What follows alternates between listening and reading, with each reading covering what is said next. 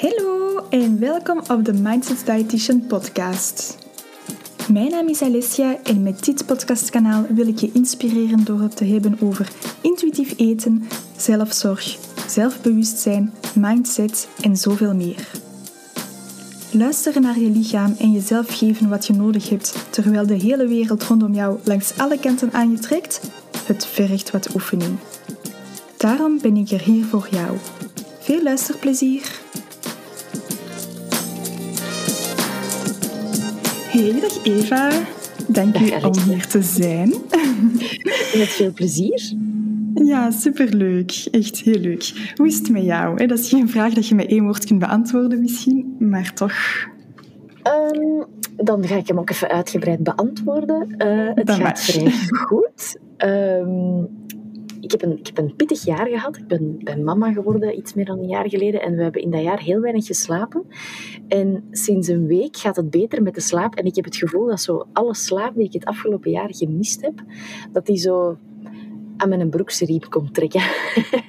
dus ik, ik voel dat ik weer kan slapen. En tegelijkertijd... Um, ben ik moeer dan ik ooit was, omdat zo die survival mode precies eindelijk af mag.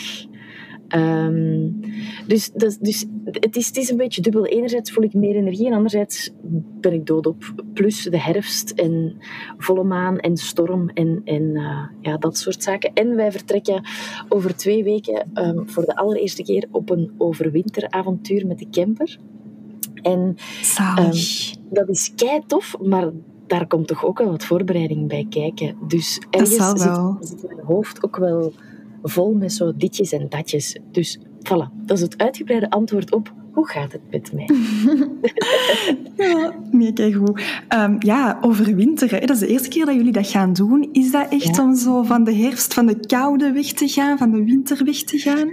Ja, ik ben, uh, ik ben zeer gevoelig aan donkere maanden. Um, ik ben persoonlijk heel depressiegevoelig. En ik merk dat de donkerte en de koude daar, daar echt wel een grote invloed op heeft.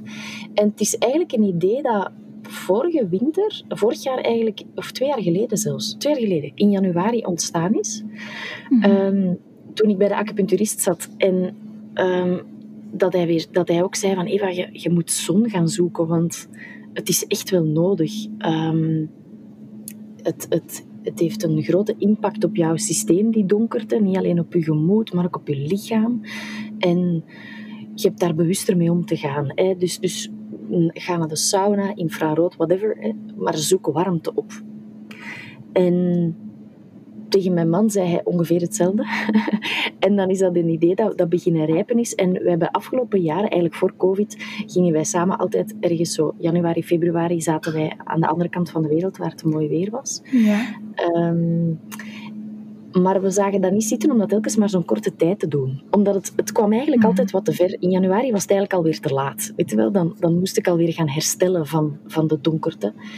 Dus hebben wij beslist van, weet je, eigenlijk is het misschien wel een idee, zeker nu dat we een dochter hebben, om de komende jaren ongeveer zo'n zes maanden per jaar in het buitenland te zitten en een beetje te ontdekken van wat vinden we leuk. Het gaat niet die tropische warmte zijn, hè, want we gaan gewoon naar, naar Zuid-Europa. Maar het is wel, ja, het wordt daar niet kouder dan 15 graden. En, en dat, dat is al een heel ander gevoel natuurlijk. Um, dus er zal meer licht zijn, we gaan meer buiten zijn. Um, dus ik ben zeer benieuwd wat het, uh, wat, wat, het, wat het gaat doen met mij ja. en met ons. Ja, maar, ja inderdaad. Maar gaan jullie nu ook effectief zes maanden weg?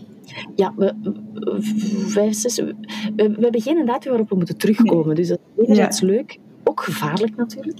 Um, maar, maar het plan is om, om nu in november te vertrekken. En um, we komen begin december nog heel even terug, omdat mijn nieuwe boek uitkomt dan.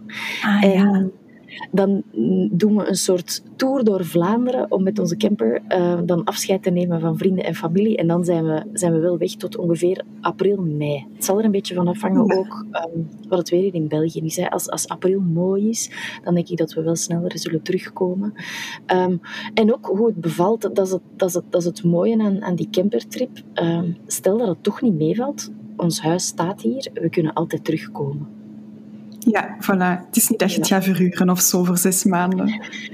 Nee, we hebben, we hebben een, een probleem met onze isolatie dat niet meteen kon opgelost worden. Dus dat is ook een beetje Oh. de reden dat we dat... We willen ook geen mensen in een koud huis laten zitten. Dus we dachten, wij gaan gewoon de zon opzoeken in plaats van ons hier arm te stoken. ehm, voor Ja, we dat probleem ja. kunnen oplossen eigenlijk. Dus dat is iets dat we volgende zomer gaan fixen. Ehm, maar maar dat, dat zorgt er ook wel voor dat... ehm, het plan mag slagen, maar het moet niet per se, snap je? Ehm, Ja, er zit, ja. er zit, we, hebben, we hebben niks te bewijzen. Ehm, dus als het niet meevalt, kunnen we ook gewoon altijd terugkomen. Ja. Ja, al. Ik ben ook echt heel benieuwd hoe dat, dat voor jullie gaat zijn. Ik ben zeer Ehm, benieuwd. Het, het, het is enerzijds iets waar ik ontzettend naar uitkijk. En anderzijds moet ik ook wel toegeven dat, los van de donkere dagen, dat ik zo die winterse gezelligheid, Ah, dat ik dat misschien wel een beetje ga missen. Ja, ik kan echt zo heel hard uitkijken naar de kerstmaanden wel, omdat ik Ja. die, die maand december vind ik enorm gezellig. Ik ben dan ook jarig, mijn mama is dan ook jarig. En dan zo dat samen zijn met familie. Ja. Maar eigenlijk vanaf dan, vanaf januari, begint het voor mij echt altijd zwaar te worden. Dan wordt het Ehm, lang, hè? want dan is het eigenlijk ja. pas eind maart, denk ik, dat het, dat het beter begint te worden. Hè? Dus ik, ik snap het. Ja. klopt. Inderdaad. Oké, super Altijd cool. welkom in Portugal. Hè? Ja, ja. Want wij waren misschien van plan om ehm, nu in november drie, twee weken naar Portugal te komen, maar het Ja. ligt nog niet vast of zo. En dan vanaf april heb jij ook een camper, hè? Dus dan kunnen wij Ah, ook eigen Ja, zin en, doen. Ja, en dat is het fijne, dat je de zon wat kunt volgen en dat, ja. ehm, ja, dat je gewoon heel hard op je gevoel kunt leven. En, en ik denk dat dat misschien zelfs los van, van de temperatuur het voornaamste is waar ik naar uitkijk. Ehm, om, om echt te volgen wat, wat ons lichaam en, en ons, ons, ja, ons gevoel aangeeft eigenlijk. ja, die vrijheid, hè? Niet moeten Mhm. afhangen van een, va- van een vast hotel waar dat je geboekt hebt. Ehm, kunnen Klopt. vertrekken wanneer dat je wilt.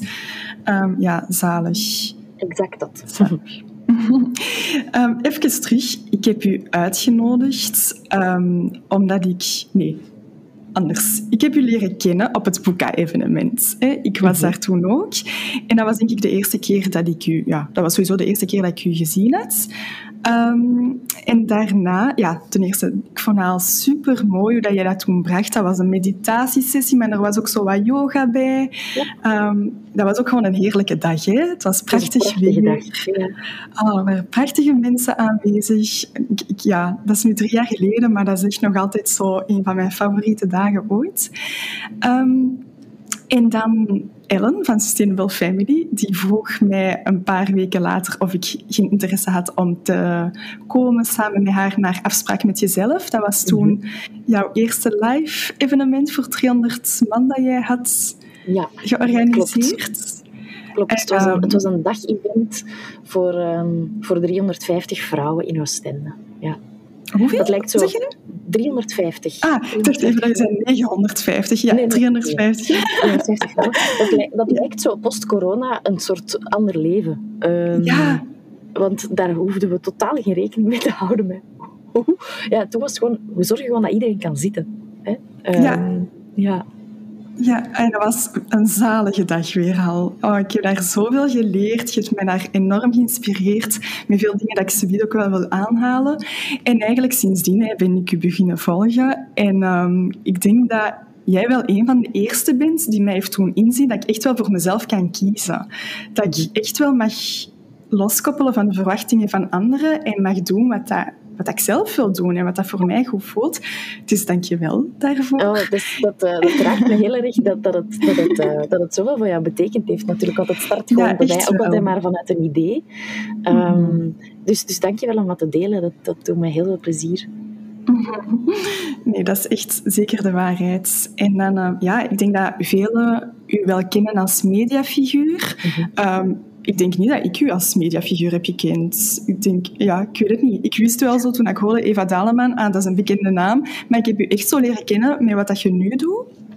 Ehm, ja, dus je waart een mediafiguur, je bent dan een totaal andere weg ingeslagen. Kunt je daar iets meer over vertellen? Hoe dat, dat gekomen is, hoe dat, dat geëvolueerd is en wat dat je vandaag juist doet? Ja, wel, eh, heel kort. Ik ben ehm, op mijn negentiende ben ik voor de radio beginnen werken, tijdens mijn studie. Ik studeerde wel radio ook, hè, dus dat, dat klopte wel. Eh, Mhm. Op mijn 21ste ben ik eh, omroepster geworden op één, ben ik beginnen presenteren. En vanaf toen is eigenlijk mijn carrière goh, gigantisch hard vooruitgeschoten. Ik werkte, ik weet niet hard, ik mocht verschillende tv-programma's presenteren. Uh, mijn radioshow die liep ook dagelijks door. En dat is uitge, uitge, uitgemond in, uh, in een burn-out in 2015. Um, ehm, in datzelfde jaar besliste ik om een keer goed lang vakantie te nemen, omdat dat al heel lang geleden was. En ik ben toen zeven weken naar de andere kant van de wereld gereisd, naar, naar Vietnam en Thailand.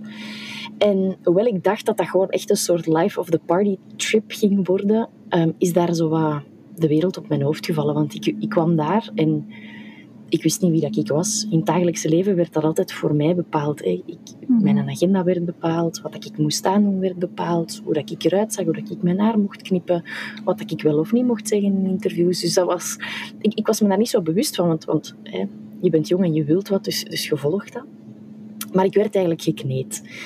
En toen ik aan de andere kant van de wereld kwam, lag alles ineens open en ik panikeerde gewoon keihard. En, en het rare was, ik kon gewoon ook niet stoppen met huilen. Alles deed me huilen. Elke fucking rijstkorrel dat ik daar zag.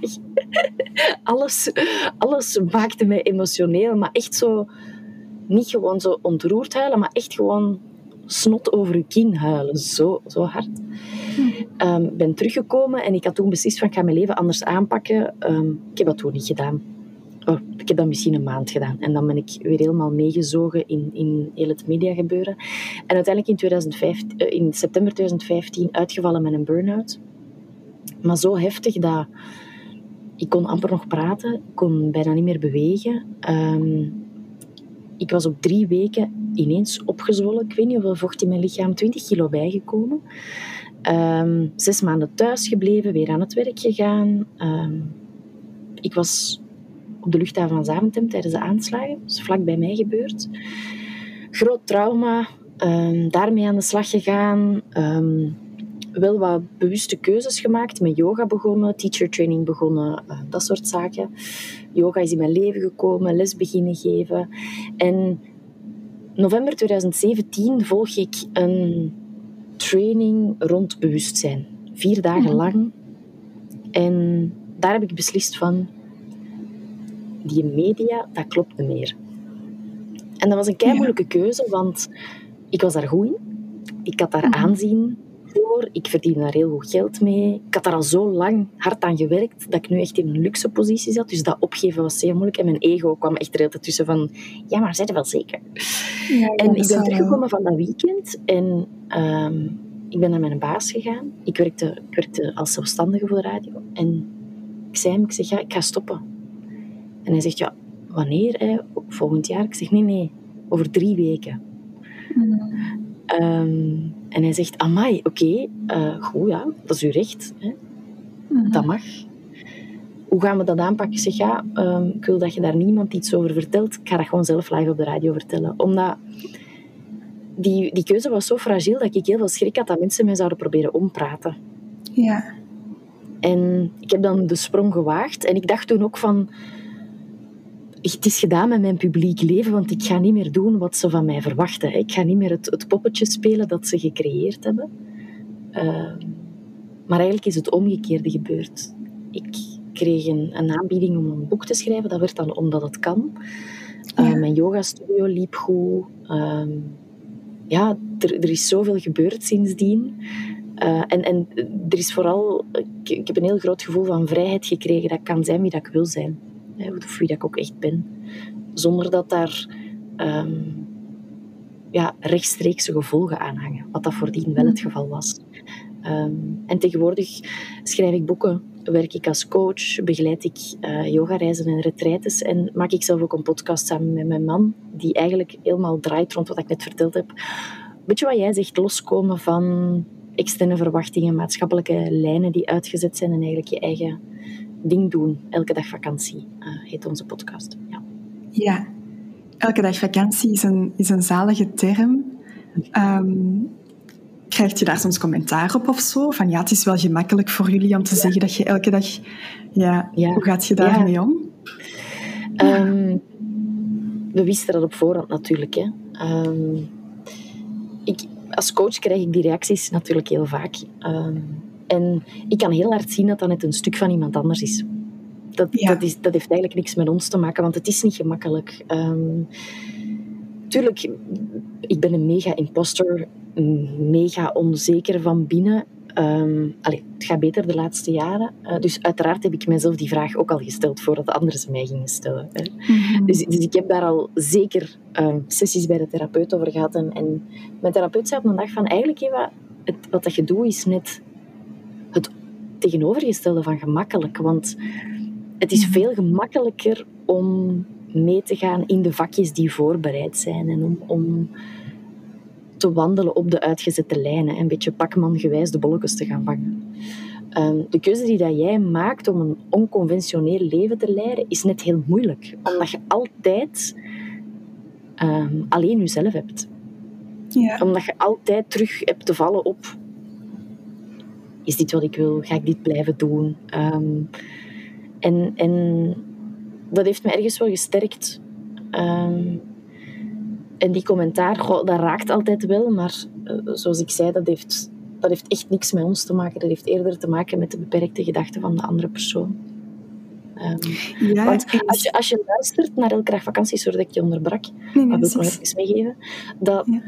Dan weet je dat dat niet alleen gaat over elke dag een cocktail drinken op een strand. Het gaat er net over dat het gaat om elke dag je leven ja, worthwhile te maken. Dat, het, dat het de moeite waard is elke dag. Het, gaat, het, is die carpe diem die dat er heel hard in zit.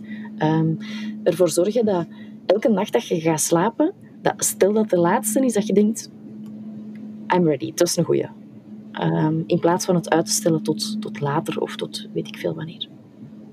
Dat is wat ik, wat ik inderdaad wou zeggen. Dat als je zegt elke dag vakantie, ja, dat veel mensen net zo hard uitkijken naar hun vakantiedagen en verwachten van elke dag vakantie, dat is ja, inderdaad, elke dag cocktails drinken, op het strand liggen, um, dat doen. Terwijl, en dan wou ik dan vragen, wat is dat dan precies voor jullie, elke dag vakantie? Maar je hebt het net eigenlijk een beetje beantwoord al.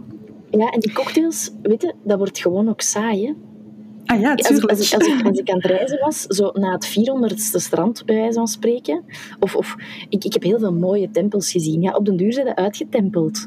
Je, je hebt ook gewoon weer zin om, om iets te gaan doen, om, om letterlijk ja, iets te gaan creëren of iets in de wereld te zetten. Allee, dat had ik toch al eens Um, ja, ja, ehm, dus, dus elke dag vakantie is, is, staat voor mij gewoon de kunst van het leven. Dat is dat een beetje. Mm -hmm. Oké. Supermooi. Wat is het juist dat jij voor anderen zou willen betekenen? Ah, wat een mooie vraag. Mm. Uh, wat ik voor anderen wil betekenen is denk ik dat ik, dat ik um, hen wil doen inzien dat, dat alles mogelijk is. Dat ze, dat ze zichzelf alles gunnen. Grote dromen, um, vertrouwen in zichzelf, kansen. Um, dat is het, denk ik. Um, ik. Ik wil mensen heel hard doen geloven in hun eigen kracht en in hun eigen magie. Want eigenlijk, soms als, als ik boeken signeer, dan komen mensen aan mij en dan zeggen die, amai, ik wil echt zijn zoals u. dat, oh. ja, dat, dat, is ergens mooi. En, en ik ga dan ook altijd met die mensen in gesprek, want ik vind dat heel belangrijk om te zeggen van, kijk, ik kan niet meer dan dat jij kunt.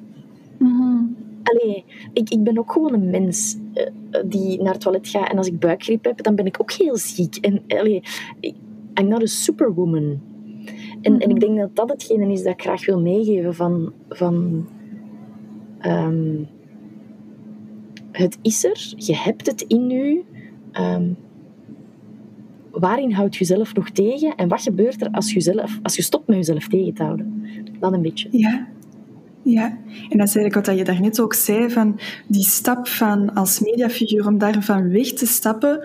De reden dat dat ook zo moeilijk was, was omdat, ja, eigenlijk was dat de gemakkelijke weg. Je had zelf niks te beslissen, je leven werd geleid. En ik denk dat heel veel mensen in die positie zitten. Daarom niet dat ze er een burn-out, alleen burn-out terechtkomen, maar dat er wel heel veel mensen zijn die in een positie zitten waar dat ze eigenlijk niet 100% juist zitten, maar er toch wel in blijven, omdat dat ja, gemakkelijk is. Gemakkelijker dan ervan wegstappen. Klopt. En ook omdat ze misschien niet geloven dat het anders kan. Want dat merk ik heel vaak. veel mensen zien ook de stap naar anders dan als een gigantisch grote stap, als iets dat Ja. onoverkomelijk is, terwijl het, het begint altijd met, met iets heel kleins. Mhm. Ehm, elke dag een positieve keuze voor jezelf maken en voelen, hé, hey, mijn vertrouwen in mezelf begint te groeien. En want, want eh, voor mij is er een heel groot verschil tussen zelfvertrouwen of vertrouwen in jezelf. Het is dat vertrouwen leg in jezelf. Ja. Ja, zelfvertrouwen, ehm, dat, dat is eerder als een soort zelfzekerheid. Hè? Ehm, terwijl vertrouwen in jezelf is dat je echt zo mocht steunen op jezelf. Dat je, dat je mocht vertrouwen van, I got this. Ehm, Ja. En zolang ik mezelf heb, is het goed. Hè? Uiteraard, Mhm. verbinden met andere mensen is belangrijk. Hè? Maar, maar ik bedoel, er is niemand die het voor u gaat doen. En mogen vertrouwen op uzelf, op uw veerkracht, op, ehm, op, op het pad dat het universum voor u heeft uitgestippeld. Hè? Om, om even dan al, al die spirituele kaart te trekken. Ehm, ja, dat, dat, dat creëert een enorm gevoel van vrijheid. Want je hebt plots niks meer te pleasen. Je hebt niks meer te bewijzen. Je hebt niks meer te bevestigen. Hè. Het, het, het is goed zoals het is. Mhm. Ehm, en dat is enerzijds eng, want dat haalt dan misschien je volledige levensdoel onderuit. maar anderzijds, ja, trekt dan net het hele register open van het leven en, en ga je zien dat, er, dat, er, dat je heel veel kleuren kunt kiezen, bij wijze van spreken. Ja, en dat levensdoel is misschien ook iets dat eigenlijk eerder van u verwacht wordt Exact. dan iets dat je zelf, allee, iets waar dat je zelf echt voor gekozen hebt. Mhm, Klopt. Klopt. Of Mhm. iets waar je ingerold bent. Hè. Een, een, Ja, een keuze die je in het verleden hebt gemaakt. Want dat is iets dat, dat ik zelf ook... Ik ben blij dat ik, dat ik die, mijn grootste transformatie, of alleszins... hè, Ik, blijf, ik heb nu ook weer als moeder een heel grote transformatie gehad. Maar ik bedoel, heel dat stuk met die burn-out, dat ik dat eigenlijk heb meegemaakt rond mijn 25ste al. Ehm, ik, heb, ik ben gestopt met radio maken toen ik negen jaar voor de radio werkte. En ehm, gewoon beseffen dat je zelfs na negen jaar een nieuwe keuze kunt maken, dat, dat was voor mij echt een soort bliksemschicht dat in mijn hoofd terecht Ja. kwam. Van, oh, amai, ja, ik, ik, kan, ik kan wegstappen van die keuze. Wauw, juist. Dat is ook een optie. Ja. Wat geweldig griezelig is, want ah, weet je, wij- wij, zijn zo geconditioneerd op, ehm, op zekerheid kiezen. ja. Maar zekerheid is geen garantie voor geluk. Nee, absoluut. Denk je dat je nog voor Ja. Sp- Inspiratie bijvoorbeeld. hè. Uit zekerheid Ja, komt echt nul inspiratie. Zeg maar, denk je dat je Nee. nog? Eh, wacht, wat ik? Ja, denk je nog dat je voor de media zou werken, moest je die burn-out niet gehad hebben? Ik weet het niet. Ehm, ik, ik vind het heel fijn, want op zich nu, hè, een podcast maken is nog altijd mediawerk. hè. En Ja. Ik, ik was laatst in een talkshow. Ehm, en dat was super fijn. Maar tv is zo inefficiënt zijn. Ik moest ik weet niet hoe lang wachten. Ik was daar vier uur voor een opname van een uur. En nee, ik denk, mijn tijd is echt te kostbaar om hier te zitten wachten. En dat was oké voor één keer, want dat was gezellig. Maar als dat elke dag mijn leven zou zijn, of elke dag een uur in de file zou staan, of langer, ik krijg dat gewoon niet meer verkocht aan mezelf. En, en dat is soms wel spijtig, want, want ehm, af en toe, ehm, naar het einde jaar toe, ehm, heb ik de laatste jaren voor Radio 2 mogen presenteren. En dat was kei tof en ik heb daar keihard van genoten. En dan voel ik ook altijd weer waarom ik het ook weer niet wil Ah ja. altijd naar diezelfde plek. Ah, dat verkeer. Ehm, het, het nieuws dat de hele tijd ugh, in je oren wordt gepleurd, terwijl ik dat eigenlijk niet wil horen. Eh, dat soort zaken, ja, dat, dat is energy draining gewoon voor mij. Dus, Mhm. dus ik vind het soms spijtig, maar ehm, ik zou het niet meer op... Allee, ik zou de keuze nu anders maken. Als het meer op mijn manier kwam, ja. Maar ik weet niet of ik nog voor de media zou werken. Ehm, ik zou mij denk ik wel op een soort andere manier kapot hebben gemaakt. Ja. Ja. Hè, Nu, nu was dat die burn-out en dan zou er wel... Misschien was er een lamp op mijn hoofd gevallen of zo. Ik geloof wel dat het leven mij dan wel weer een andere pijl had gestuurd van... Daleman, zit, Dit is het nu nog? Ja, Ja, ja, ja. dat is zo. Oké. Ehm, je sprak er net al over people pleasing. Ehm, ik ben zelf ook echt een mega people pleaser. Ik wil dat iedereen zich rond mij goed voelt. Dat is het eerste waar ik aan denk. Als ik nu bijvoorbeeld ook, ik wil dat het leuk is voor u, ik wil dat het aangenaam is voor u. en ik zet mezelf. en ik ga mezelf daar altijd zo achter schuilen. Um, maar toch, dat is, dat is een oefening. Ik ben daar heel actief mee bezig om mijzelf meer en meer comfort te geven. Um, omdat dat, ja, dat is, je kunt alleen maar voor anderen zorgen als je voor jezelf zorgt. Mhm. Ehm, heb jij zelf tips voor um, luisteraars die zich daarin herkennen? En, want ik zie dat ook bij mijn cliënten. Dat zijn, meestal zijn dat ook enorme people pleasers. Ik denk dat het allemaal zijn. Ja, ah ja, oké ik denk dat er, dat er niemand is die anderen niet wil behagen. Mhm. Ehm, en, en als je gaat kijken naar de oorsprong daarvan, dan dat is gewoon belangrijk om dat voor jezelf even te begrijpen. Dan zit dat echt in je reptiele brein. Want vroeger, ehm, in de prehistorie, als je in je grot zat, had andere mensen nodig om een of ander wild beest te kunnen verslagen. als, je, als je alleen overbleef, dan betekende dat rechtstreeks de dood. Dus afwijzing staat in rechtstreeks verband met doodsangst eigenlijk. Gewoon voor jezelf, dat, dat je dat even goed snapt. Ehm, en wat ik altijd zeg tegen coaches, um, dat is gewoon eens... Eh, vaak ons hoofd maakt er een heel groot verhaal van. In je hoofd denkt dat vaak, oei, als die mij niet leuk... Stel dat ik nu zeg, Alicia, deze gesprek, sorry, maar niet tof. Dan maakt je hoofd er een gigantisch verhaal van met wat er dan zou gebeuren. Ja. Terwijl, gaat dat gebeuren? Is dat zo? Mm. Dat weet je niet. Dus wat ik altijd aanraad is, grenzen stellen, oefen het en zie wat er gebeurt. En wat, wat, wat heel, wat ik, hoe dat ik het heb geoefend in het begin is gewoon door te zeggen van kijk, ik vind dit heel moeilijk om aan te geven, maar dit past niet voor mij bijvoorbeeld.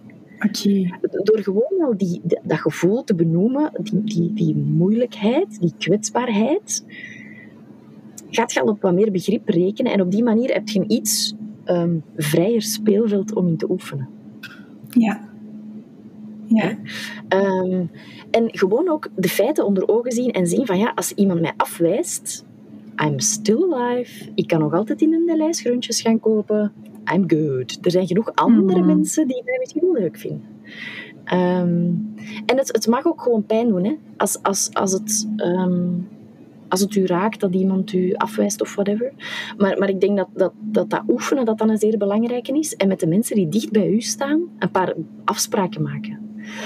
En een van de belangrijkste afspraken die ik gemaakt heb met mijn inner circle, met mijn goede vrienden, dat is afzeggen is een basisrecht. Ja, dat Want, zei je tijdens je webinar, hè? heb ik echt onthouden ook. Ja. Wanneer je, wanneer je ehm, stel dat ik toch zou komen en het is tegen mijn zin, dan ben ik eigenlijk geen fijn gezelschap. Absoluut. En dat creëert zo'n vrijheid. En, en ik moet zeggen dat eigenlijk mijn, mijn vriendengroep is ook serieus veranderd sinds uh, hè, zes of zeven jaar geleden. In, in, intussen tijd is die nog wat uitgepuurd. Maar ik moet zeggen dat nu de vrienden die ik heb en de mensen met wie ik omga, niemand rekent mij af op het feit dat ik er niet zou zijn of dat ik iets zou afzeggen of dat ik een grens zou stellen. Integendeel, dat is net ehm, mijn meest authentieke vorm en zij appreciëren dat heel erg. Ja, voilà. En die mensen hebben je ook nodig. Ja, en, en dat is zo, dat, dat, is een vraag die ik heel vaak ehm, ook aan coaches meegeef van wat is er mogelijk waar je nog niet aan gedacht hebt? En zoals in jouw mhm. geval, dus dat ik dit misschien gewoon heel leuk vind. Ik vind het ook heel leuk. Hè?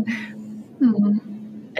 Je gedachten eh, zitten heel snel in die negatieve spiraal. Dus, dus daarin oefenen van, oké, ehm, lieve gedachten, of, of eigenlijk zijn ze niet lief, um, rotte gedachten. Ehm, klopt het wel wat je mij wilt doen geloven? Exact. En ik soms heb kan wel veel inzicht geven. Ja, ja, ja, ik heb voor mijn innerlijke criticus, of zo die, die rotte gedachten, mhm. ik heb daar eigenlijk een naam aan gegeven. Zodat ik ook heel goed weet dat ik die gedachte niet ben. En dat dat eigenlijk, ja, dat is iemand anders die dat tegen mij dan zegt. En dat helpt ook echt al om, om er afstand van te nemen. Hoe heet? Ehm, Mag ik dat weten? Miranda. Heel goed, heel goed. Ja, Miranda. En eigenlijk, ik las in een boek van die stem is er eigenlijk om je te beschermen. Die wil je Ja. eigenlijk klein houden, want als je uit je, com ja, ja, uit je comfortzone komt, dan heb je de kans om gekwetst te geraken of om ja, iets mee te maken. Dat is het reptiele brein ook. Hè? Dus dan heb je misschien Ja. de kans om te sterven. Dat, is- dat, is, uw, Voilà. dat is uw overlevingsmechanisme. Klopt. Ja, dus Miranda die wil mij eigenlijk beschermen, maar die wil mij klein houden. En dat helpt ook wel om te begrijpen waarom dat die gedachte er is. Ehm, Ik moet denken aan een quote die ik, ehm, van Bentinho Massaro, dat is een spiritual teacher. En die zegt eigenlijk van... You're a god, not a cornflake. Zo. En dat vind ik zo tof. Van, van, je mocht geloven van jezelf dat je... Dat, dat heeft niks met grootheidswaanzin te maken, maar gewoon, hè, je bent een soort perfecte creatie van het universum. Dus waarom zou je je gedragen alsof je een cornflake bent? En, en, en ja, wanneer dat je gaat zien dat, dat het... Hè, dat haalt eigenlijk een beetje zo je kop uit je eigen gat. Hè. Als, als je gaat zien dat je, dat je een deel bent van een gigantisch groot gegeven, dan kun je wel gaan vertrouwen van, ah ja, oké, ehm, ik, ik, er wordt wel voor mij gezorgd. Ik hoef dat niet heel tijd zelf vanuit een angst te gaan doen. Ja. Mhm. Maar dan zit Inderdaad. natuurlijk al een aantal stappen verder. Hè. Ehm, eh, basically gaat het over ehm, geloven dat wanneer je nee zegt, dat je ook oké bent. Ja, ja, mooi om te onthouden. En ook, dat wil ik nog eens herhalen wat dat je zei, want dat is iets dat voor mij heel goed heeft geholpen. Mensen hebben niks aan mij als ik daar met tegenzin zit. Klopt. Dat is iets dat ik altijd tegen mij nu zeg als ik ehm, ergens niet naartoe ga en mij daarvoor excuseer. Ik kan dan mij daar heel schuldig over voelen, omdat ik weet dat ze verwachten dat ik er ben. Mhm. Maar dan dat ik ook denk, oké, maar wat is de meerwaarde dat ik daarmee aanwezig ben als dat voor mij niet fijn aanvoelt? Die mensen gaan ook, allee, moesten ze weten dat ik daar niet graag zit, dan gaan ze ook niet willen dat ik daar zit. Ehm, dus dat is iets dat ik zo... En ze voelen het, ja. Misschien of misschien niet. Ehm, dus dat is iets dat, wat dat mij heel erg helpt. Van oké, ik kan beter afzeggen dan daar met tegenzin te gaan zitten, want voor hun is dat ook niet leuk. Wat, wat ik zelf daar nog, wat- iets dat mij daar heel hard in geholpen heeft, dat is dat hè, wij, wanneer wij spreken ehm, over dingen met waarde, valuta, hè, dan gaat dat heel vaak over geld of spullen of dat soort zaken. Mhm. En gewoon zien, voor mij is eigenlijk energie en tijd, dat zijn eigenlijk mijn belangrijkste valuta's.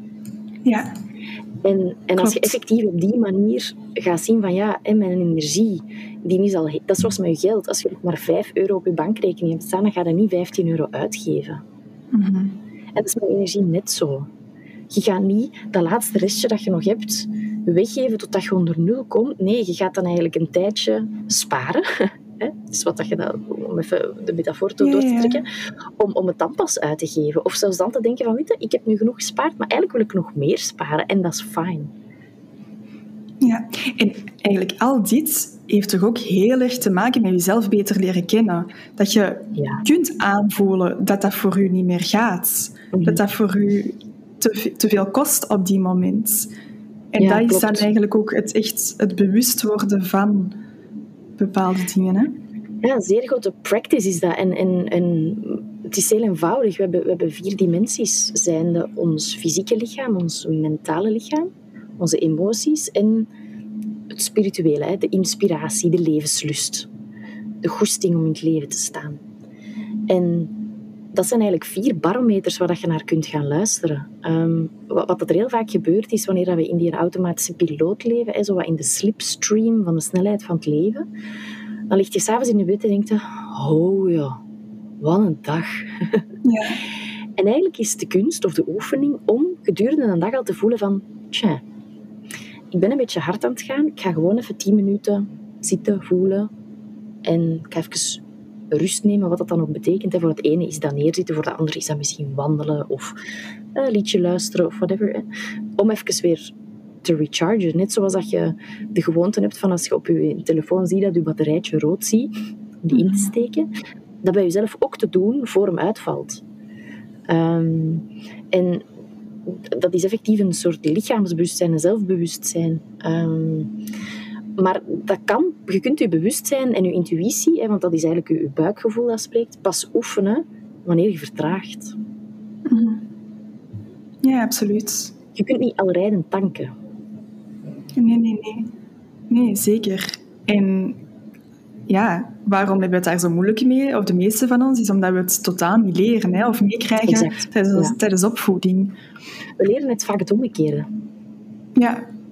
Vanaf als we jong zijn, je zit op school en eigenlijk moet je al je impulsen leren onderdrukken. Want je moet al vanaf als je zes of vijf jaar bent, zeven uur per dag op de stoel zitten. Huh? Mm, mm. Ik ben nu 31 en ik ben heel blij dat ik geen zeven uur per dag meer op een stoel moet zitten van mezelf. Hè. Maar, maar ook dat, het, het, um, ja, het moeten stil zijn, het niet mogen expressen van wat dat je voelt. Hè. Pas op, dat betekent niet dat je als een soort wilde beest door het leven moet gaan, maar ergens is er, is, heb je daar wel wat um, bewuste ruimte voor te maken in je dag. Um, en, en dat gaat over eenvoudige gewoontes. Hè. Um, bij mij is dat begonnen met telkens wanneer ik naar het toilet moest, want dat is echt wel gewoon een fysieke impuls die dat je niet kunt onderdrukken. Of een tijdje, maar dan je moet gaan, wat, hoe dan ook. Om, om eigenlijk die momenten op het toilet gewoon even te nemen, om dan te voelen van, hoe, hoe, hoe voel ik mij eigenlijk? Ja, ja, ja. Eh, in de momenten dat mijn lichaam letterlijk mij uit de snelheid haalt, om, om die dan ook te gaan gebruiken om dat bewustzijn te gaan oefenen. Ja, en laat dat een take-home message zijn al sowieso. Want um, mensen die op een bureau werken, met collega's rondom zich, die, die zeggen dat ook vaak. Hè? Ja, maar hoe kan ik dat nu doen met, met die mensen rondom mij, om even tijd te nemen voor mezelf? Dan zeg ik dat ook inderdaad. Doe dat terwijl dat je naar het toilet gaat. Ja. Blijf daar even wat, een paar seconden langer zitten om te voelen en even je af te vragen, hoe is het nu met mij op deze moment? Goede tip. Um, iets dat ik zeker ook wil aanhalen tijdens afspraak met jezelf. Ik denk dat dat het ding is dat, ja, dat ik nog elke dag meepak. Zei je iets over je zorgen maken over dingen dat je wel en niet kunt controleren. Mhm. Weet je wat ik bedoel? Ik weet wat je bedoelt. Oké, okay, ga je het uitleggen? Ik ga het uitleggen. Um, het is een theorie die ik, die ik van mijn mentor um, heb meegekregen. Dat is de Kaboe-methode. Ik denk dat die is dat je bedoelt. Ja. En dat zijn vier letters, C, A, B en U. En eigenlijk is dat um, de formule voor een drama-free leven. Wat voor heel veel mensen toch echt geweldig zou zijn. Ja, Alle energie dat je in drama zou steken. Als je die in toffe dingen zou kunnen steken. What a life. Um, en de C die staat voor controle. De A die staat voor acties. En de C en de A die vormen een duo dat betekent, je kan enkel je eigen acties controleren. Je hebt geen controle over de acties van anderen. Echt, ah, please. Geloof me gewoon. Hoe hard dat ook je best doet, je kunt niet controleren wat anderen zeggen, wat anderen doen, wat anderen denken. Please-gedrag is daar een heel duidelijk voorbeeld van. Um, dus wanneer je weet dat je enkel controle hebt over je eigen acties en de anderen niet kan gaan controleren, dan ga je naar de B, dan ga je balans ervaren. En wanneer er meer balans is in je leven, is er ruimte voor je unieke zelf om plek te maken. En je kunt het zelfs ook in de omgekeerde richting achterstevoren zeggen. Wanneer dat je in je unieke kracht gaat staan, wanneer dat je authentiek bent, je grenzen aangeeft, dat soort zaken, bij jezelf blijft, dan ga je meer balans ervaren. En zo weet je dat je de acties van anderen nooit gaat controleren, maar dat je enkel controle hebt over wat dat je zelf doet. Um, een voorbeeld is wanneer dat er in de winkel iemand u irriteert, hè, in plaats van daar commentaar op te geven, je mag daarvan wegstappen. Wat veel krachtiger is. Je verliest veel minder energie. Het is veel rapper opgelost. Want wat dat je ook zegt tegen die persoon, als die wil blijven uh, met zijn voeten niet opheffen, bijvoorbeeld. Dat is iets waar ik door getriggerd word. Um, dan stapt je gewoon weg. Klaar. Ja, voilà. Zalig. Ja, het is een mega lifehack. Dus weet, je kunt mhm. acties van anderen nooit controleren. Je kunt wel zelf bewuste keuzes maken. Um, en je mocht wegstappen van dingen die je niet langer dienen. Dat is misschien ook wel een heel belangrijk. Ja, ja, inderdaad. Um, jij bent zelf ook yoga-teacher. Je bent daar zelf ook veel mee bezig. Mhm. Ehm, welke rol speelt yoga in uw leven? Wat brengt het u en waar helpt het u mee? En, want yoga is veel meer als beweging, dat is duidelijk. Ja, het is een levensfilosofie. Mhm. Yoga betekent unity. Het betekent eenheid. Het betekent eigenlijk de eenheid van alles in het leven. Hè. Um, asanas, de houdingen, dat is een onderdeeltje ervan. En, en ik voel dat ook wel dat het bij mij heel erg geëvolueerd is. Heel veel mensen starten met yoga, ik zelf ook, vanuit um, de bewegingsstoel, de houdingen. Um, zo ben ik ook een teacher training gaan volgen. Nadien ben ik veel meer gaan lezen, de Vedic Studies um, gaan doorspitten. Echt gaan kijken van, van waar komt die filosofie nu eigenlijk? Want eigenlijk gaat het, is yoga het pad naar verlichting. Hè? Het gaat over loskomen van alles en terug naar die eenheid gaan. Binnen jezelf, maar ook binnen de wereld. Meditatie is een onderdeel daarvan. Um, en ik, ik voel dat ik, ben heel hard van mijn practice losgekomen nu. Enerzijds uh, gewoon omdat mijn lichaam het even niet meer kan. Um, na mijn zwangerschap heb ik een soort hyperlaxheid gekregen, waardoor dat ik heel veel pijn kreeg in mijn lichaam. Dus yoga is gewoon even niet aan de orde. Ik heb nu gewoon kracht en stabiliteit te gaan creëren. En, en stretchen mag gewoon even niet. Dus losgekomen van die houdingen... Um, dat had, dat, dat had een mogelijkheid geweest dat mij dat paniek zou kunnen brengen. Uh, maar gelukkig ben ik de afgelopen jaren er al wel in geëvolueerd dat het, het, het yoga is, is een state of mind. Um, mm-hmm. ik, ik, zit veel meer in mijn meditatie, in, in mijn dagelijkse bewustzijnspractices, zoals ik dat daar straks omschreef. Um, meer luisteren naar mijn intuïtie, echt wel connecteren met wie dat ik van binnen ben. En het is in periodes dat ik die houdingen daarvoor nodig heb om, om tot bij mezelf te komen. Maar nu voel ik dat dat, dat, dat over een veel breder gegeven is. Het soort um, leven in vrede met jezelf en wat er rondom jou gebeurt. Um, dat, dat dat vooral is wat dat yoga vandaag voor mij betekent. Um, ahimsa is een, een, zeer belangrijke term voor mij, wat eigenlijk betekent do no harm in het Engels. Um, doe niemand pijn. Hè. Uh, geen, geen enkel levend wezen doe je pijn, maar dus ook jezelf niet. Um, leven binnen mijn grenzen. Uh, en wanneer ik erover ga, dan misschien wel bewust doen, maar nadien wel weer terugschakelen en, en zalven en zacht zijn voor mezelf. Dus ik denk dat dat voor mij, die mildheid, dat dat mijn huidige practice is. Mij heel erg oefenen in de hardheid op mezelf los te laten. Het perfectionisme. Um, en gewoon te voelen wat dat er is en, en daar, um, daarin willen evolueren. Dat mag wel. Maar gewoon ook zien dat, dat ik mijn best doe. Um, want ik, ik ben waanzinnig streng voor mezelf. Ik ben echt een mega trut als het op mezelf aankomt. Dus ik, ik, ik mm. oefen me heel hard in becoming my own best friend. Dat een beetje. Yes. Um, echt, echt gewoon mij afvragen van wat zou ik doen als er een vriendin aan mij zou komen en die zou dat vertellen. Ja. Uh, wat zou ik haar aanraden en dat dan zelf toepassen. Mm -hmm. Oké, okay, super mooi. Um, yoga is ook. Allee, ik ben met yoga begonnen twee jaar geleden, nadat ik een jaar lang daar echt over nadacht dat ik het wou doen, maar toch die stap niet naar de yogaschool durfde ja. zetten. Gewoon uit schrik, omdat ik niet lenig ben, omdat ik um, ja, de beginner van de groep ging zijn, zo echt die belemmerende gedachten. Um, en in het begin is dat effectief zo. Hè. Je zei zo ook van, ik heb vroeger dans en zo gedaan en tennis. En je wordt altijd vergeleken met de anderen. En je denkt dat dat bij, dat, dat bij yoga ook zo gaat zijn. En in het begin doe je dat ook automatisch, u vergelijken met anderen. En als je dan met een pose bezig bent, zij het zien hoe dat anderen dat doen en jezelf schamen dat jij dat nog niet kunt, enzovoort. Mm. Maar uiteindelijk heeft yoga voor mij, heeft, dat heeft echt de, de band met mijn lichaam enorm versterkt. Ja. Het is echt dankzij yoga dat ik mijn lichaam heb leren accepteren hoe dat is. Um, en dat wordt ook zo gezegd dat yoga een van de beste um, vormen van bewegingen zijn om uw relatie met uw lichaam te versterken. Ja, de houdingen zijn ook zo opgebouwd dat eigenlijk de verbinding tussen uw mentale, uw emotionele en uw fysieke zijn, letterlijk, en uw spirituele zijn, dat dat letterlijk geactiveerd wordt eigenlijk, die ja. verbindingen. Ja, um, dat voelt je. Ja. Mm. Ja, ik, ik, ik heb dat zelf ook zo ervaren. Wat, is wel bijzonder wat je zegt over, over het, um, het niet durven naar de yoga gaan. Het is toch waanzinnig hoe wij als volwassenen vinden dat wanneer we iets gaan doen dat we nog nooit gedaan hebben, dat we toch vinden dat we het meteen als de beste moeten kunnen. Dat is toch, dat is toch geschift? in mijn les kreeg ik zo... Dat is ook een heel groot verschil tussen vrouwen en mannen. Um, in, ik, ik, heb jaren les gegeven en... Um, wanneer een vrouw naar mijn les kwam, zei hij altijd van ja, ik heb dat nog nooit gedaan, ik ben niet lenig. En ik zei altijd van, weet je, zet u vooraan bij mij. Nee, nee, nee, nee, dat kan iedereen mij zien. Ik zeg, ja, toch, zet u vooraan. Dicht bij mij, dat je goed kunt zien wat de bedoeling is. Hè. Ehm, en dan zeg ik ook van, laat u zelf ook toe om het, om het te leren. Hè.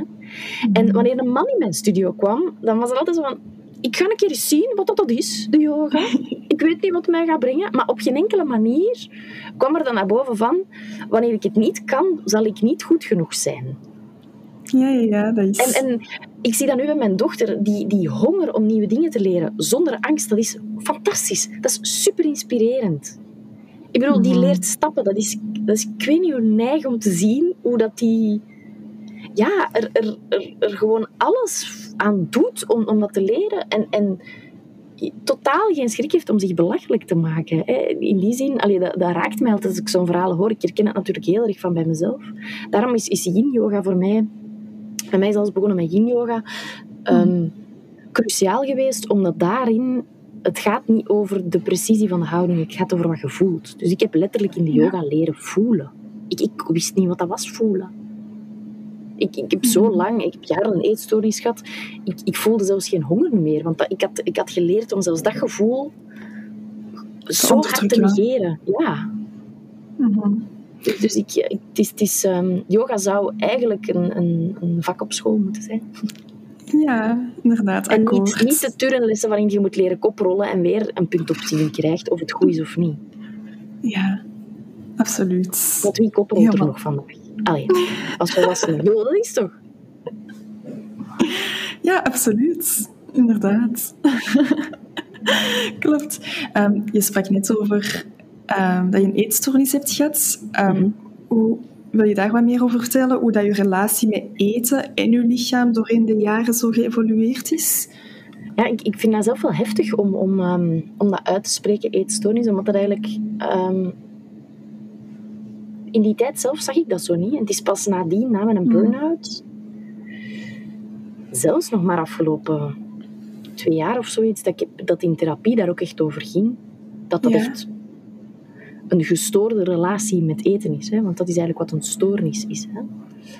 Ehm, en het is, het is wel bijzonder, want in, in mijn nieuwe boek, um, het, het, boek heet Ehm, en dan vraag ik me af, doe ik het wel goed, het leven? En het gaat eigenlijk over het feit dat vanaf als we geboren worden, dat we een stempel krijgen, goed of fout. En eigenlijk gedurende ons leven doen we alles om het goed te doen, maar hoe belangrijk is dat om het goed te doen? En um, er ik, ik blik eigenlijk telkens terug op een moment in mijn leven, een gebeurtenis, een soort key moment. En dan kijk ik van, wat doet dat vandaag de dag nog met mij? En er zijn twee momenten waar ik nu aan denk, um, die dat ik ook omschreven heb. Eén moment is de Miss België-wedstrijden, waar ik altijd naar keek als ik kind was. Mhm. En het vergelijken met die dames. En ik was daar een gigantische fan van. En het zotte was dat ik dus s'avonds, um, na die shows en de weken nadien, dat ik naar bed ging en dat ik s'avonds in mijn bed, maar ik was zeven of acht jaar, dus ik was echt nog heel klein, en dat ik buikspieroefeningen deed om ooit ooit Miss België te kunnen worden. Want ik dacht van, als ik dat nu niet doe, dan ben ik, dan ben ik te lelijk. Want ik heb, ik heb zelfs nu, als kind, niet zo'n platte buik.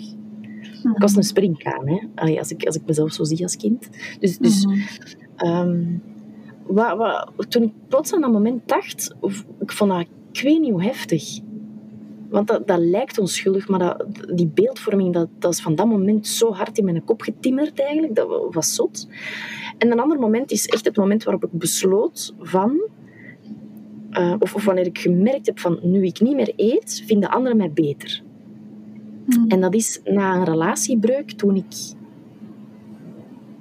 18 jaar was, 19, 19. Ik denk dat dat ongeveer een aantal maanden was voordat ik bij de radio begon. Dus dat, was, dat heeft mij daar ook in gemotiveerd, want ik, ik, ik kon niet meer eten van het liefdesverdriet. Dat was de eerste grote liefdesverdriet dat ik gehad had. Um, een jongen waar ik heel mijn jeugd zo naar gesmacht had. En dan uiteindelijk was hij ineens ook verliefd op mij. Wat? Ehm, maar na vier maanden bleek dat hij mij ook bedrogen had. Ja, heel heftig, dus ik was super hard gekwetst. En ik kon niet meer eten en ik, ik vermagerde en ik kreeg meer aandacht, positieve aandacht. Ik kreeg ineens een job bij de radio. Ik mocht voor tv gaan werken. Ik, ik mocht fotoshoots doen. Ehm, en, en ik herinner mij nog een moment dat ik voor televisie werkte, dat ik een doorpas had voor een fotoshoot. En ik had toen maat 36, 38. Ehm, ik was een meter 70 en ik woog 52 kilo, weet ik nog. Ehm, nee, 55. Wat echt super slank is. Ik was nog nooit zo mager geweest. Ehm, ik sportte ook heel veel. Ik was daar echt aan verslaafd. Ehm, en ik stond in het pas ook en ik hoorde die mannelijke stylist zeggen... Ja, het is wel een beetje een dikke, want ehm, ze heeft een 38. Oh my god. En ik weet dat ik zo in dat paskot die samplematen aan het passen was. En ik, zoals nu, als ik het vertel, ik krijg het super warm terug. Dat ik boos werd en verdrietig en alles tegelijkertijd, maar ik kon gewoon niks zeggen. En ik weet dat ik toen besliste van, dat zou nog wel eens zien dat ik dik ben. En vanaf toen is het echt keihard naar beneden gegaan. En ik weet dat ik uiteindelijk 48 kilo woog, denk ik. Ehm, ja, ik voelde mij... Allee, ik sportte heel veel. Ik had 6% vet of zo. Die, dat is echt zot voor een vrouw. Ehm, ik was zo obsessief daarmee. Ik... ehm, ja... Ik had een hele foute relatie met eten. Ehm, het, het goede was, het goede voor mezelf, was dat ik, ik had zoveel voedselintoleranties dat ik heel gemakkelijk aan de buitenwereld kon zeggen van ja, ik kan die niet eten. Ja, ja, ja. Ik hoefde daar zelfs niet voor te liegen. Ehm, want dat was effectief. Als er gewoon sandwiches stonden op set, ja, ik kon geen sandwichje eten. Dus wat was daar dan? Een stuk fruit, dus dan at ik wat druiven en dat was wat ik op een dag had. Ehm, Mhm. Dus dat... eh, ja, als, als ik daar zo over nadenk, dat is wel een beetje een blur geworden, maar dat, dat was zeer heftig. En als ik dan in burn-out ging en op drie weken tijd 18 tot 20 kilo bijkwam zonder anders te gaan eten, mega mindfuck. Ik, ik voelde mijzelf echt het vuil van de straat. Ik, voelde, ik vond mezelf niks meer waard. Al, mijn talent dat ik had, dat, dat betekende voor mij toen niks meer. Ehm, ik ontzegde mezelf ook alle liefde, alle, alle positieve reacties van vrienden. Ehm, uiteindelijk ben ik dan Louise Hay beginnen lezen. Ik weet niet of je het al gelezen hebt. Ja. Eh, je kan je leven Mhm. helen. En ik las in haar boek van, ehm, dat mijn lichaam eigenlijk... Hè, ik voelde mij zo onveilig dat mijn lichaam eigenlijk gewoon letterlijk een soort barrière bouwde naar de buitenwereld toe. Mhm. En door meer voor mezelf te gaan zorgen en positiever over mezelf te gaan denken en, en therapie te volgen en dergelijke, zijn die kilo's er afgevlogen, zelfs door gewoon te eten. En mijn relatie met eten vandaag, hè, als, als, ehm, zeker als, als je pas bevallen bent, en na negen maanden moet je terug de oude zijn. Dat is niet, hè. Dat, allee, dat is echt zever, hè. Ja, dat is wat er verwacht wordt. Ik weet dat dat, dat zever is. Het is heel moeilijk. Allee, voor mij is het echt een oefening om, om dat gif, want dat is echt letterlijk een gif, niet te laten binnenkomen. Mhm. En mijn man helpt me daar heel erg in. En gewoon voor mezelf te zeggen van, en zoals vanmiddag, mijn dochter is naar de crash, dat is altijd zo mijn, mijn, mijn ritueeltje, dat ik dan een tasje koffie drink met een praline erbij.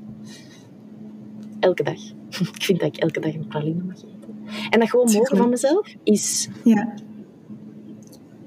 Ja, dat is, dat is waanzinnig. En er zijn echt dagen dat ik, dat ik het bijna niet mag of dat ik het niet zou doen, omdat ik denk dat dat dan misschien, eh, ja, dat, eh, dat ik dan toch dikker ga worden. Of dat, hè, terwijl, ja, het, het, het, is wel wat zo, die wonden van, van de eetstoornis. Maar ik, ik oefen me erin en, en ehm, de mindset van dat ik gewoon energie eet, dat helpt mij. In plaats van, van dan vetten of whatever, hè, gewoon energie te eten. Mhm. Ehm, en goed te gaan voelen wat eten met me doet. Ehm, ik weet dat je, dat je er niet zo fan van, van bent, van de intermittent fasten. Als jij Ehm, je daar goed bij voelt, dan wel, ben ik daar wel fan van voor jou. Ja, voor, voor mij heeft het, het heel veel betekend zijnde... ehm, ik ging heel erg eten op momenten dat het vastgesteld is wanneer je moet gaan eten. Weet je wel? 12 uur Ja. is lunch, bijvoorbeeld. En het, het vasten, ehm, ik, ik plaatste het vasten niet... Veel mensen doen dat tussen 12 en 8, maar dat werkt voor mij niet, want dan heb ik veel te lang honger. Dus ik vind een ontbijt... Ik ontbijt graag, dus ontbijt moet erbij. Dus ik eet ongeveer tussen 10 en 6. En dat zorgt ervoor dat ik... ehm, ik eet echt nog chips in de zetel als ik er zin in heb. Hè. Dus het, het is voor mij geen strikt gegeven. Maar het helpt me wel om... Het heeft me al sinds geholpen om terug een hongergevoel te leren ervaren. En Ja. daarnaar te anticiperen. Want ik, dat was ik helemaal kwijt. Ehm, ik, ik, had, ik, ik had het mezelf aangeleerd om alles wat honger was weg te duwen. Of in tegenstelling dan nadien al te eten voor de honger die komt. Zo, dat. zo echt zo'n kutzin eigenlijk, hè, dat is isoleren. Ja, maar ik heb geen honger. Eet voor de honger die komt. Echt verschrikkelijk. Ehm, en, en het vasten heeft, heeft mij dus geleerd om dat hongergevoel te omarmen en tegelijkertijd ook bewuster keuzes te maken. Niet op automatische piloot s'avonds iets uit de koelkast te nemen of na het lesgeven van de yoga de frigo open te trekken en gewoon te eten om te eten, maar gewoon echt um, te luisteren naar mijn lichaam. Mhm. Ehm, en, en dat is een beetje tegenwoordig mijn, mijn band met eten. Ik, ik, ik eet heel bewust plantaardig, um, zoveel mogelijk suikervrij. En langs de andere kant um, heb ik van mijn man een keigrote doos Neuhaus praline gekregen. Dat zijn mijn favorieten. Totaal niet vegan, totaal niet suikervrij, maar zo mhm. lekker. En ik geniet daar echt zo hard van. Dus gewoon het, het genieten van eten, het graag eten. Um, dat, is, dat is waar ik me tegenwoordig echt op, op focus. Um, eten wat ik lekker vind. Want ik geloof ook dat, dat die energie, dat je lichaam dat voelt. En mhm, dat Tuurlijk, ja. als je graag eet, dat, dat, dat, dat je veel meer energie opneemt uit voeding dan wanneer dat je eet omdat het moet of omdat het gezond moet zijn. Um, dus dat is wat ik tegenwoordig doe. Um, ja, ik, ik voed mijn dochter. Ik heb ook nog altijd borstvoeding, dus ik voed mijn dochter ook nog. Um, en en het, het, het kan me soms wel nog wat stress bezorgen, maar ik, ik uh, probeer dat dan heel snel weer te plaatsen in... Oké, er is gewoon in dit moment op een blauwe plek geduwd van vroeger. Ja, ja, ja. Een hele lange uitleg, maar, maar dat is... Nee, Uh, heel mooi. Dank je om te delen ook allemaal. Graag gedaan, graag gedaan. Mm-hmm. Belangrijk ik.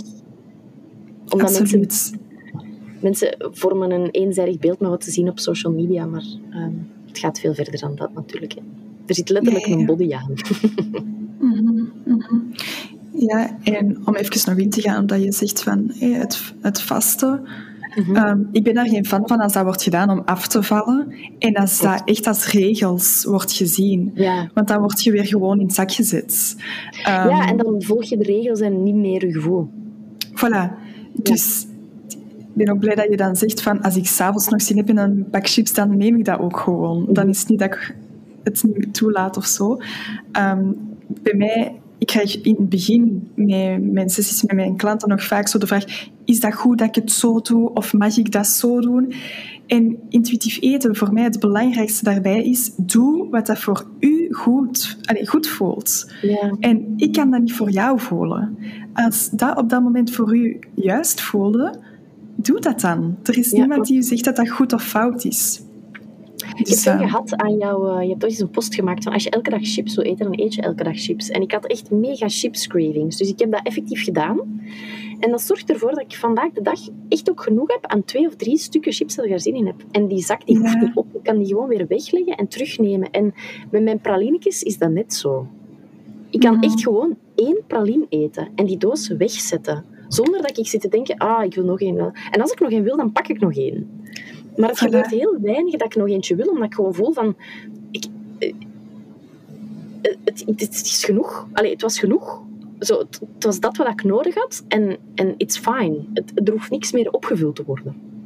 Ja, en de reden dat je dat ook voelt, dat het genoeg is, is omdat je helemaal beseft dat je morgen opnieuw pralines of chips kunt eten. Ja, klopt. Ja, inderdaad. Um, ja, dat is zo. Ja, en, en, en, en dat het ook morgen weer mag. Um, Pas op, ik word de laatste tijd super hard getriggerd, want het, uw werk is zo belangrijk. Ik wil dat toch nog maar even meegeven. Um, hoeveel vrouwen in mijn omgeving er weer op dieet zijn. Want ik heb dus mijn grote doos praline, dus ik wil die graag aanbieden aan mensen die hier bij mij komen. En echt vier of vijf vrouwen die zeggen, nee, want ik ben op dieet. Ik ben op mijn lijn aan het letten. En dan durf ik, allee, dat is dan rechtstreeks denk ik dan, oei, maar ik, ik eet dat dus wel, dus ben ik nu verkeerd? Of, of, um, en dan, dan heb ik altijd even wel een gesprek met Stijn ook nodig van, van even, gewoon even, I know, maar om goed te zijn, hè, um, dat is toch oké dat ik dat doe? En hij zo, ja, natuurlijk is dat oké. Okay. Uh, mhm. ik ben toch niet dik of whatever. En hij zo, is helemaal goed. Um, dat. Ja, dat snap ik dat dat heel triggerend kan zijn. Um, maar weet daar heel, allee, is, ik denk dat daar belangrijk is om te beseffen dat jij daar eigenlijk overzijds over die fase. Dat je... Ah, ja, ik dacht dat, maar het feit dat het mij soms toch nog triggert, Ja. dat, dat vond ik wel heftig. Dat, het- dat, het best nog, dat, dat, dat ik toch nog aan mezelf zou gaan twijfelen. Dat, dat vond, ik, vond ik heel heftig om te beseffen. Mhm. Mhm. Eh, Ja, dat en- toch nog zo binnenkwam, ja. Ja. ja, denk dan zelf eens aan de periode dat jij in de plaats van die vrouwen die dan bij je op bezoek komen, dat jij daar nog stond, dat jij nog Mm. die dingen zei van nee, ik hoef het niet, want ik ben op dieet. Dat, dat je eigenlijk nu op een betere plaats bent als toen.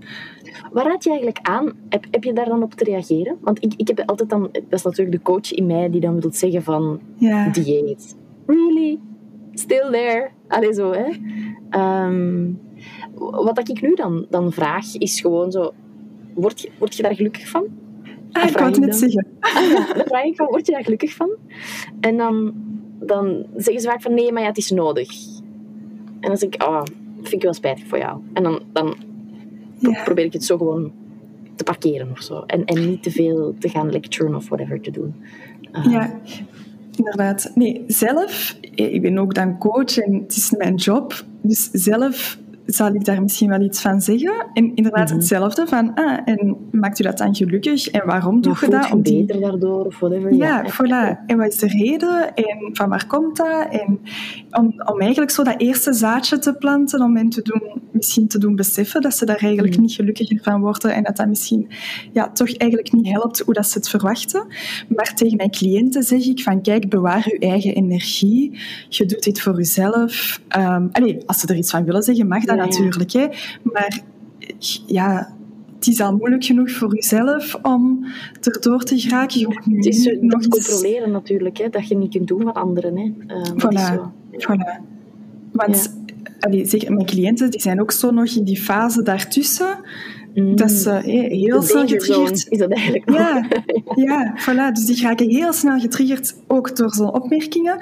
En door dan daar, daarmee in discussie te gaan, kunnen die helemaal terug van slag geraken en, Mhm. en, en terug in die dieetmentaliteit geraken. Dus ik probeer hen de- het advies te geven om hen daar tegen te beschermen. En als ze zoiets horen, om dat opzij te zetten en te parkeren. En eigenlijk gewoon dan van, van gespreksonderwerp te veranderen. Ehm, omdat dat voor hun dan. Beter is en veiliger is. Ja, ik, ik merk trouwens wel dat het een, eh, een oefening is om. En mijn dochter is nu één en zij is, ehm, ze weet heel goed wat ze wil in het leven. Dus ze weet ook heel goed wat ze Mhm. niet wil. En ehm, we, zaten in een, f- we, hebben- we hebben net een fase gehad waarin eigenlijk bleek dat ze veel te weinig at. En ah ja. waarin ze dan s'nachts tot tien keer toe borstvoeding kwam vragen om in te halen. Dus de patroon moesten we eigenlijk om gaan wisselen. En dat heeft me zoveel stress en zoveel verdriet bezorgd eigenlijk, omdat... Ja, je, je wilt gewoon dat hij eet. Hè. Je- je- het enige wat je kunt doen is aanbieden. Ehm, en en Mhm. daarin heb ik het ook heel hard losgelaten. En gewoon gezegd van, op een bepaald moment ook gewoon gegeven wat ze wilde eten. Snap je? Ja. Eh, Oké, wil je geen groente, goed havermout? Oké, ik maak havermout voor u. Ja, ja, Of dan had ik ehm bananencakejes gebakken met echt wel zo verborgen calorietjes, dat ze toch genoeg binnen had. Ehm, en en het, het ook naar haar toe te leren loslaten van dat een dessert beter is dan een hoofdgerecht. En, en het zotte is dat, dat, ook al weet ik dat voor mezelf, dat wanneer je dan plots geconfronteerd wordt met een kind van één dat niet wil eten, dat je eh, heel erg eh, nog ehm, dat, dat die principes, eh, die, van waar dat die ook komen, dat die toch ergens in je hoofd zitten van ja, maar je moet eerst wel je bord leeg eten voordat je een dessert krijgt. Of je, hebt geen pasta gegeten en nu wil je een bananencakeje. Ehm, zo, dat soort dingen zo. Ehm, of, eh, ik merk, mijn man die, die, die kan dat zo wel zeggen van ja, maar ze moet eerst echt wel groente eten. Ik zeg ja, misschien doordat ze bananencake mag eten, gaat ze daarna ook wel groente eten. En dat, merken we ook wel, dat het, dat het hand in hand kan gaan. Ehm, maar het is, het is wel weer op dat vlak een, een super boeiende ontdekkingsreis. Om ook te zien wat, wat er daarvoor ja, zo echt geplante, geplande principes in, in uw zijn zitten, in uw onbewustzijn zitten van wat dat goed of fout is. Ehm, Ja, dat zit keihard in ons, hè? ja, en, en ik vind dat wel kei belangrijk om gewoon ja, een dochter op te voeden die goed in haar vel zit. Zo. Eh, en die houdt van eten. Ehm, en, en ze kan al heel goed kiezen wat ze zelf wel of niet wil. Dus dat vind ik ook al een belangrijk gegeven. Ja, en het is, ook, het is eigenlijk ook echt wetenschappelijk aangetoond dat hoe minder dat je moeit met het eetpatroon van je kind, hoe beter dat die eigenlijk echt gaat kiezen voor wat dat ze nodig heeft. Want hoe meer hè, dat je gaat zeggen dat ze haar groentjes moet opeten en dat dessert pas daarna komt, ja, hoe meer dat ze net geen groentjes gaan willen eten en, meer en meer dessert gaan willen eten. Maar ik denk dat jij ook Rolinde volgt. Ja, ja. Super interessant, hè? Ja, ja. Ik denk dat je ik zal het nog even herhalen, Rolinde underscore op de groei op Instagram um, is iemand die gespecialiseerd is in moeilijke eters, um, kleine kindjes. En ik vind, dat, ik vind dat mega interessant. Ik leer superveel van haar. Ja, hele mooie manier om naar te kijken. Ik leer vaak zelf, allee, het zijn principes waar ik zelf nog heel veel uit leer. Um, ah, wel, voilà. ja. Mhm. Nee, maar neemt u zelf zeker niks kwalijk, omdat gewoon zo... Het is, ik heb zelf nog geen kind, dus, maar ik kan me echt inbeelden dat dat heel moeilijk is, eenmaal dat je dan wel echt je eigen kind hebt en je wilt het allerbeste ervoor, dan dat je constant in strijd zit in je hoofd met wat is nu het juiste. Ja, en, en het komt ook bij, we, we voeden onze dochter plantaardig op. Um, Dus uh, ze kreeg te weinig eten, dus... Uh, bleek dat eitjes een heel goede methode waren om haar toch nog proteïne te geven. Dus dan moesten we dan even gewoon loslaten. Oké, weet je, we geven haar gewoon af en toe eitjes, biologische goede eitjes. Hè. Ehm, maar maar dan, dan kom je in een, eh, in een omgeving. We hebben heel bewust ook gekozen om haar het eerste levensjaar geen suiker of dergelijke te geven. Uh, Ik geloof dat dat niet nodig is. Uh, geen schermen, geen suiker, dat was het bij ons zo. Um, en nu nog altijd zoveel mogelijk. Um, en, en je komt in een, in een omgeving bij een onthaalmoeder waar dat dan kindjes van zes maanden niknakjes krijgen. En ja, dat is, dat is best wel heftig, omdat je dan de moeilijke ouder moet zijn die dan grenzen stelt, want gewoon eet al geen vlees en geen nennenen. Um, en, en ja, je, je wordt zeer hard... Um, ja, je wordt zeer hard getest gewoon. Um, ja. en, en dan blijft het altijd zo, oké, okay, dat is terug weer de vraag van waarom doen we dit? Waarom is dit zo belangrijk? Um, mm -hmm. En ook dan weer durven je eigen ideeën, en zoals die eitjes, dat dan ook wel weer durven loslaten. En gewoon te zien, van witte eitjes. Oké, het is nu even eitjes. Goed. Maak daar geen slechter kind of maakt ons geen slechtere ouder. Het is gewoon even weer een, uh, een keuze richting gezondheid eigenlijk. Ja, ja, ja, absoluut, snap ik. En was het zo dat ze haar eigen groeicurve niet meer goed, allee, dat die wel aan het afvlakken was, of dat ze niet onder het gemiddelde of zo zat? Goh, eigenlijk ging het erover, wij, wij gaan niet naar kindgezin of zo, dus wij kijken gewoon hoe ziet ze eruit, gezond kind, goed, fijn. Maar het ging er eigenlijk over dat um, met de gemiddelde hoeveelheden die gegeten moesten worden, uh, eh, laat ons zeggen, ik denk dat we doorkijken van een kindje rond één jaar eet gemiddeld tussen de 150 à 200 gram per maaltijd. En zij raakte amper aan de 60 gram. Ze is mega dromer, dus ze zit gewoon heel tijd te kijken naar anderen. Ze eet gewoon niet. En dan is ze slim genoeg dat ze wist, ah, maar als ik aan tafel niet eet, dan krijg ik borstvoeding. Ah ja. Dus uh, ging het eigenlijk heel erg daarover. Dus, dus we zijn een beetje moeten gaan kantelen en gewoon, het is een dromer, dus wij bieden nu tien keer per dag eten aan. Mm -hmm. Dat is gewoon tien kansen heeft om het te eten. Dat, het niet in dat, dat je niet in dat moment daar moet volproppen, maar dat ze gewoon weet van, ah ja, oké, als er eten op tafel is, dan, dan, ga ik eten. Um, ja. Oké. Eva, was er nog iets dat jij wou delen? Um, is er nog iets dat ik wil delen? Um, ja, als je, um, als je naar deze podcast, luistert en um, je bent daar een tijdje aan het twijfelen van zou ik die beslissing nemen? Ga ik het doen? Ha, hm, Zo'n beetje in die twijfelfase zit. Consider this your sign. mm-hmm. Dit is jouw teken om wel de stap te wagen, wel de keuze te zetten, er wel voor te gaan. Um, het leven is te kort om twijfelen en te wachten. Het mag vandaag en, en het kan een eerste kleine stap zijn. Uh, ik geloof heel erg in de 80-20 regel. Zorg ervoor dat er 80% vertrouwen is en maar 20% angst. En wanneer dat je zegt van eh, bijvoorbeeld ik wil als zelfstandige gaan werken, oké, misschien kan een eerste stap zijn om eens een afspraak te maken met een boekhouder om eens te onderzoeken van wat is dat eigenlijk zelfstandige zijn. En, en dat je zo eigenlijk jouw grote stap gaat indelen in kleine stapjes en uh, en ervoor gaat. Want elke kleine stap is een stap vooruit. Ik geloof daar super hard in. Um, dus voilà, ga ervoor, leef, doe je goesting en vertraag. Ook dat. Vertraag. ja, ik denk dat dat het belangrijkste is. oh, dat is een prachtige afsluiter. Eva, ik wil je duizendmaal bedanken om hier te Dankjewel. zijn. Ik vond het een heerlijk fijne babbel. Heel, eh, ja, heel open. Dank je ook voor, eh, voor de space. Ja, rustgevend. Ik ben er helemaal kalm van geworden. Ah, dat is heel fijn. Oké.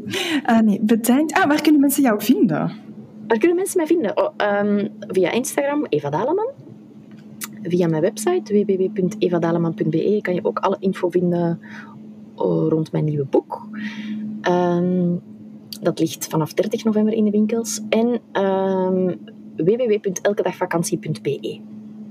Oké, top. Dat is voor de podcast en alles wat ik samen met een man onderneem um, qua coaching en zo.